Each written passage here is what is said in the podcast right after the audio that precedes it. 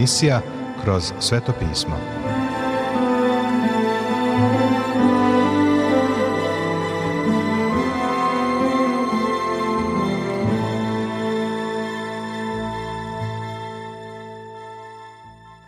Dobroveče, poštovani slušaoci i dobrodošli u još jednu emisiju programa Kroz sveto pismo, programa koji je za vas napisao Vernon McGee, a pročitao Branko Bjelajac. Želimo vam prijetno i blagoslovljeno slušanje.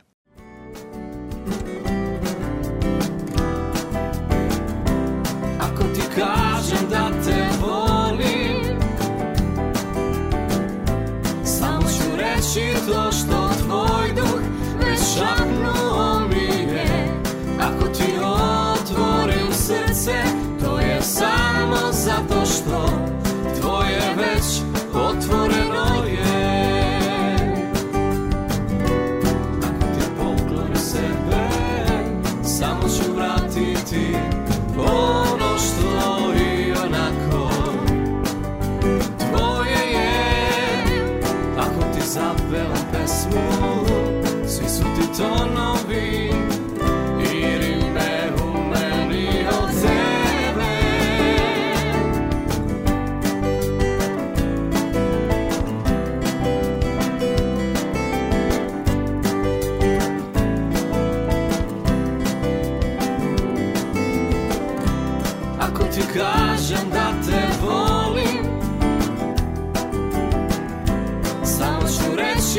Stop.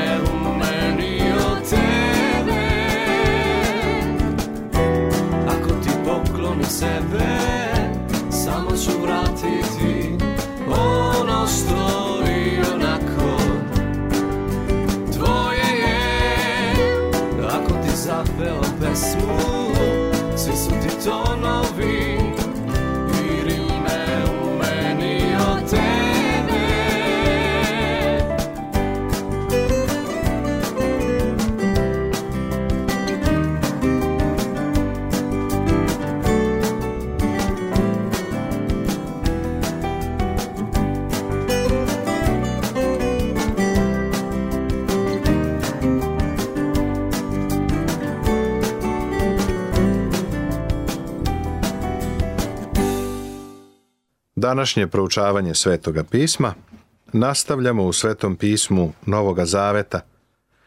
U drugom poglavlju poslanice Jevrejima i započinjemo sa razmatranjem 15. stiha. I da izbavi one koji su strahujući od smrti celog života bili u ropstvu. Po mom mišljenju, Schiller English je ispravno protumačio ovaj stih. On je rekao, zakon božji je zahtevao i zahteva smrt za greh. Duša koja zgreši umreće. Plata za greh je smrt. Sotona je, pre svega, bio uzrok čovekovog greha. I iako je on uzurpator, može da traži u izvesnom smislu opravdano da grešnik mora da umre. Ima tu vlast. Vlast da zahteva da svaki grešnik plati kaznu za greh. Na račun svega ovoga, svi ljudi, pošto su svi grešnici, plašili su se smrti i osude na ropstvo zbog greha, da mu služe, pa na taj način da služe i sotoni. Ne prima se na ime anđela, nego se prima Avramova semena. U starom zavetu Gospod Hristos je uzeo prirodu anđela. Učinio je to kada se pojavio kao anđeo gospodnji, a ovi jevreji su to shvatali. Kada je Hristos napustio nebo i došao na zemlju, prošao je pored anđela i došao je palom čoveku. Uzeo je na sebe seme Avramovo. Došao je iz loze Avramove. Bog je pripreme već započeo, već sa Adamom i Evom. U to vreme Bog je rekao da će doći seme ženino.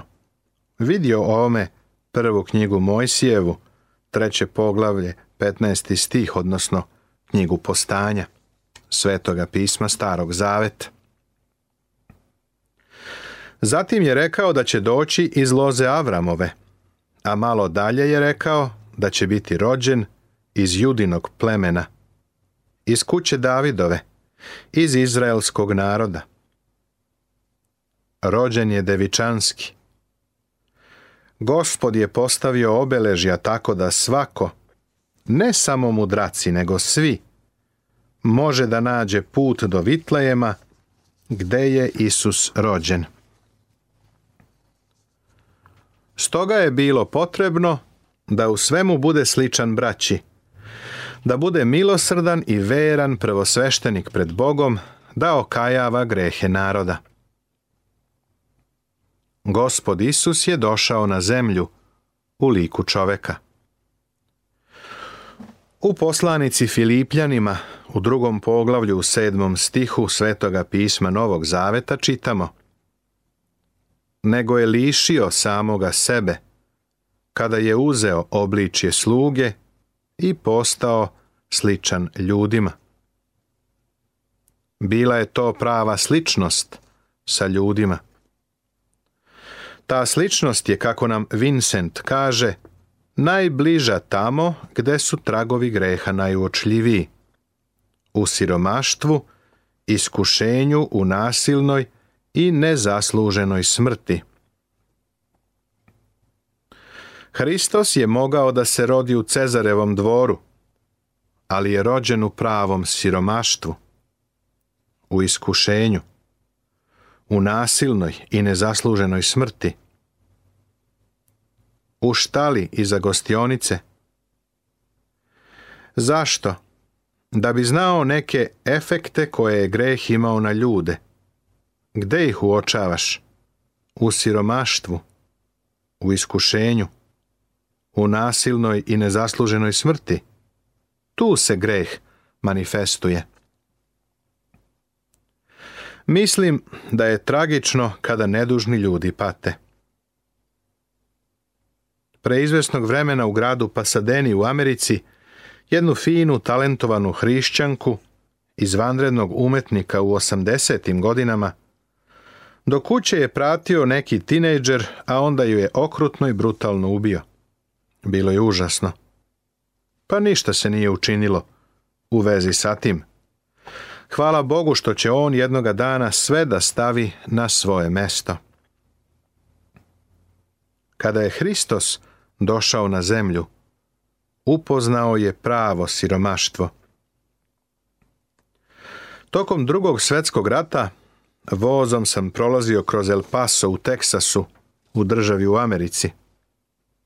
Pre nego što je voz stao u stanici, došao je kondukter i rekao Ne silazite iz voza, jer na stanici ima ljudi koji su tamo već nedelju dana i ne mogu da odu. Očajni su. Ako napustite sedište, neko od njih će ga zauzeti i više nikada ga nećete povratiti. Ostanite tu gde ste. Učinili smo kako nam je rekao. Međutim, kada je voz ponovo krenuo, potražio sam konduktera i pitao ga zašto je sve tako. Rekao mi je da mnogi od tih ljudi kampuju na stanici, odnosno čekaju na sedište u vozu. Ima i na umu da je bio rat i da su mnogi bili poslati preko okeana. Jedna mlada žena je rekla kondukteru da je njen muž poslat preko okeana, a da je ona ostala na obali. Nije mogla da se vrati u svoj narod, pa je čekala na stanici. Tokom noći na stanici je rođen dečak. Zamisli da si rođen na železničkoj stanici. Taj mališa je sada ljudina i zaista se nadam da mu je neko rekao o Isusu, jer je i on rođen u takvoj gužvi, kada je u narodu vladalo komešanje. Sećaš se da je Cezar zahtevao da svi plaćaju porez, pa su svi pod vlašću Rima morali da se potpišu i popišu u rodnom mestu. Marija je morala da ide u Vitlejem, iako joj se približilo vreme da rodi. Kada je došla u Vitlejem, u gostionici nije bilo mesta, pa je gospod Isus rođen u štali. On saoseća sa onom bebom rođenom na železničkoj stanici u gradu El Paso. Gospod Isus je došao na zemlju i uzeo ljudsko telo.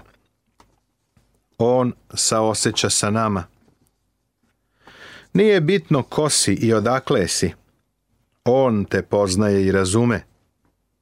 Ne samo zato što je Bog, nego zato što je postao čovek. Znam tačno kroz šta danas prolazimo. I on to zna odlično. Dok ovo pišem, na Bliskom istoku je veliko siromaštvo, naročito među Arapima. Saosećam sa izbeglicama koje se tamo nalaze. Mi ne možemo da im oprostimo ishitrene akcije ni počinjena ubistva ali da li znaš da neki od njih žive u logorima već 30 godina? Uslovi života su im bili apsolutno užasni. Čak ni, ni njihova braća Arapi nisu dozvoljavali da se integrišu sa njihovim narodom. Bili su osuđeni i ograničeni na te logore. Na Bliskom istoku je vladalo takvo siromaštvo i kada je Isus tamo živeo. U svemu je bio sličan braći. Došao je u siromaštvo. Siromaštvo Isusove porodice je skoro neopisivo. Rođen je u narodu koji je bio pod petom Rima. Bili su mu potčinjeni nije se rodio na dvoru, nego u štali. U svemu je bio sličan braći. Postao je jedan od njih. Da si ga kao malog dečaka video kako se igra u Vitlejemu, u dronjavoj odeći, ne bi znao ko je on. Kada ga slikari slikaju, on stoji kao sjajna kameja ali je u stvari bio dečak umazan po licu, koji se od vršnjaka svojim izgledom nije razlikovao. Bio je sličan braći. U naglašavanju Hristovog božanstva postoji opasnost da se podceni njegova ljudska priroda. Srećan sam što se nisam rodio u Vitlemu.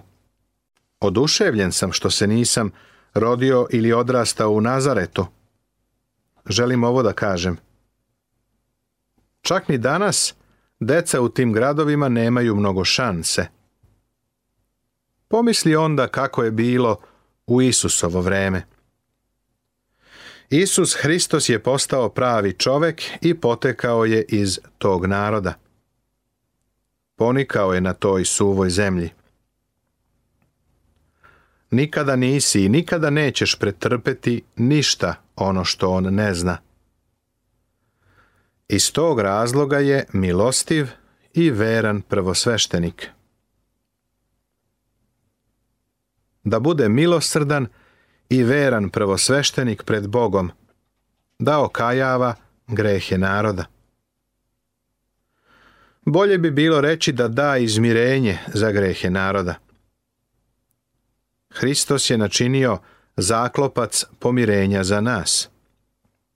Potrebna nam je milost. Bog je ima u izobilju.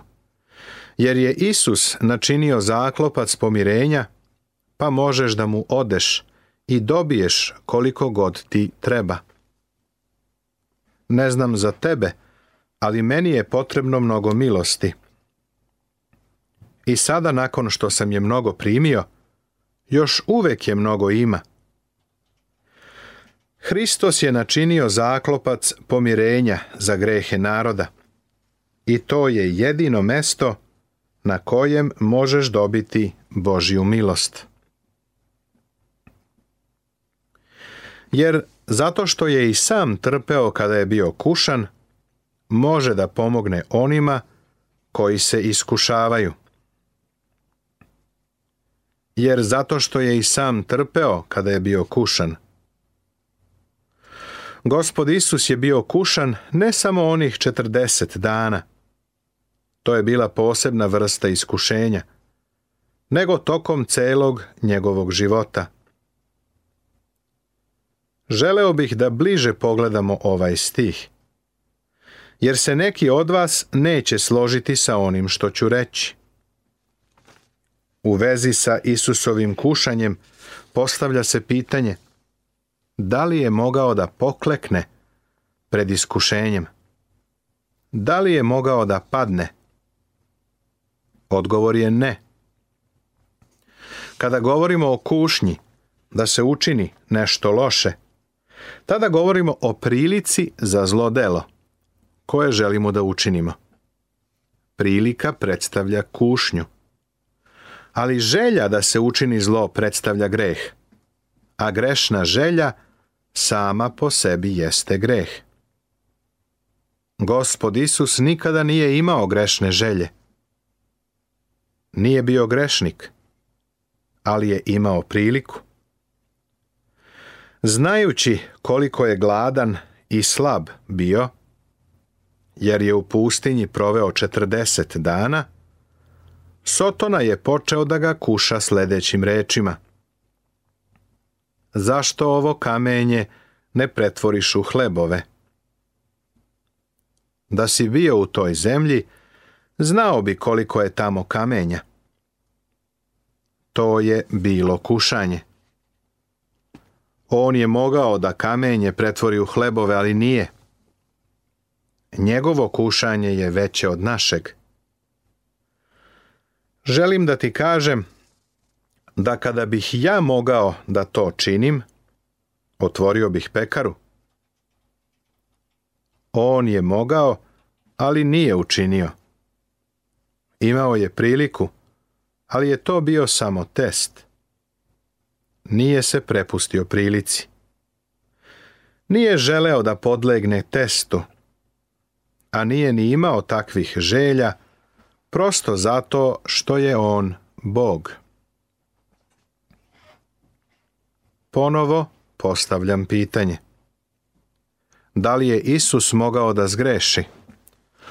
Odgovor je ne, nije mogao da zgreši. Pa kakva je svrha njegovog kušanja? Mislim da je najbolje da odgovor dam kroz ilustraciju. Vernon McGee kaže Kada sam bio dečak, živeo sam u zapadnom Teksasu u Americi na istočnom ogranku reke Brazos. Tokom leta u reci nije bilo dovoljno vode, ali je tokom zime tu mogao da plovi ratni brod. Gradiće koji je tu bio više nema. Ali kada sam ja tamo živeo, Santa Fe železnica je prolazila kroz gradić i išla preko reke Brazos. Jedne zime je bila poplava, pa je voda odnela železnički most. Bio je drveni. Železnička kompanija je došla i zamenila ga gvozdenim mostom.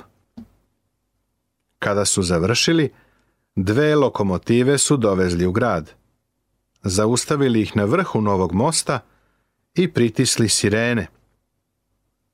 Niko nikada u našem gradu nije čuo dva piska lokomotive istovremeno.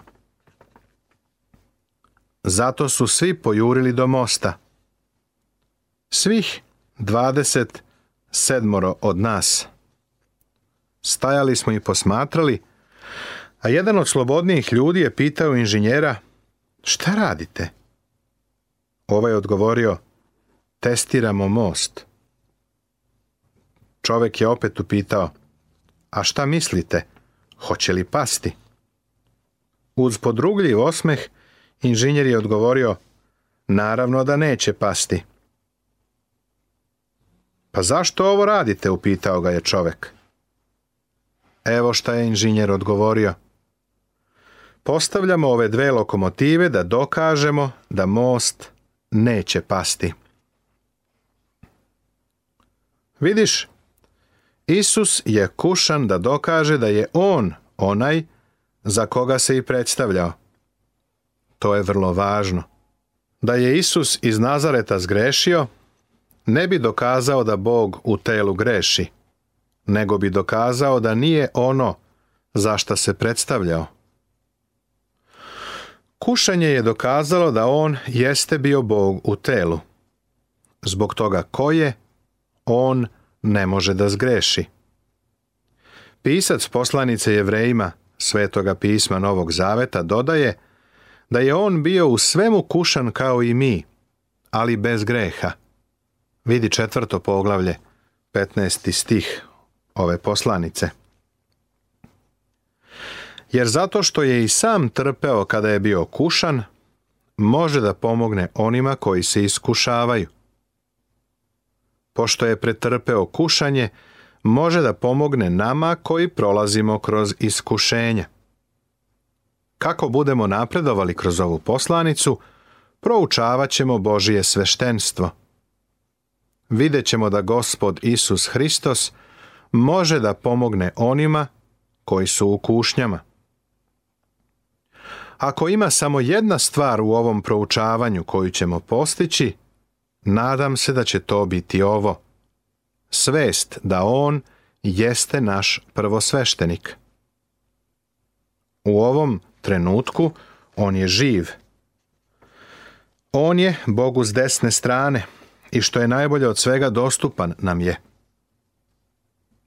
Kada se probudim u neki tamni čas noći i prevrćem se i okrećem, što ponekad radim, radi tereta na srcu pogledam gore. Tamo gore je moj prvosveštenik. On me poznaje, on me razume, njemu mogu da odnesem moj teret.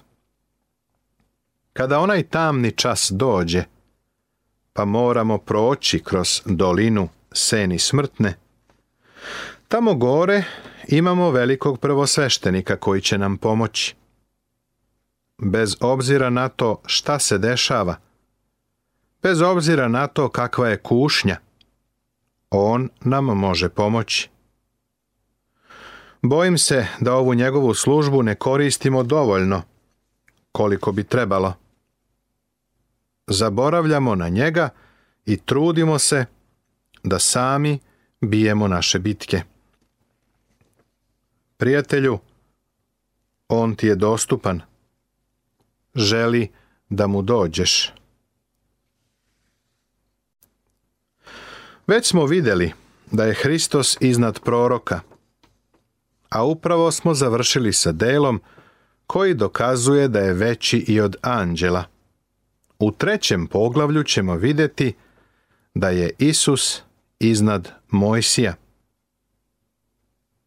Ovo poglavlje počinje rečju stoga. To je još jedan razlog zbog kojeg verujem da je apostol Pavle autor ove poslanice. Nastavit će se.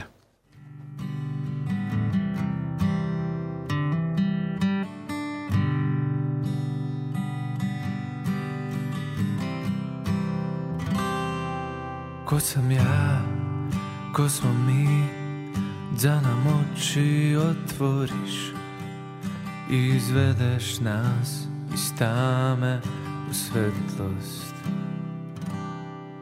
kao meka glina u tvojim rukama mi smo delo savršenog vajara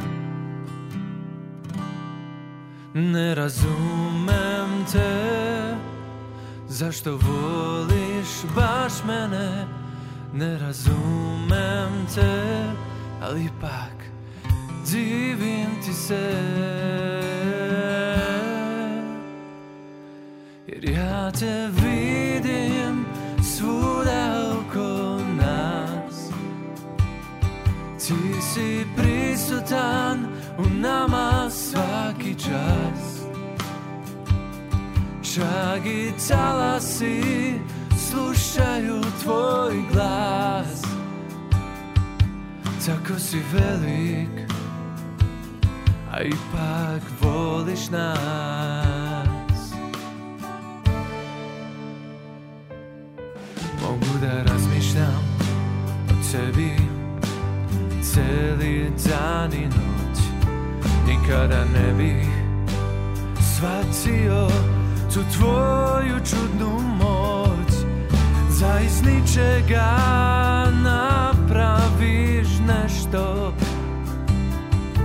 O Bože moj To je tako sveto i vešto Ja te vidim svuda oko nas Ti si prisutan u nama svaki čas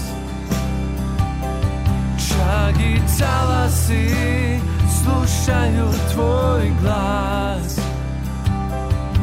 Tako si velik, a ipak voliš nas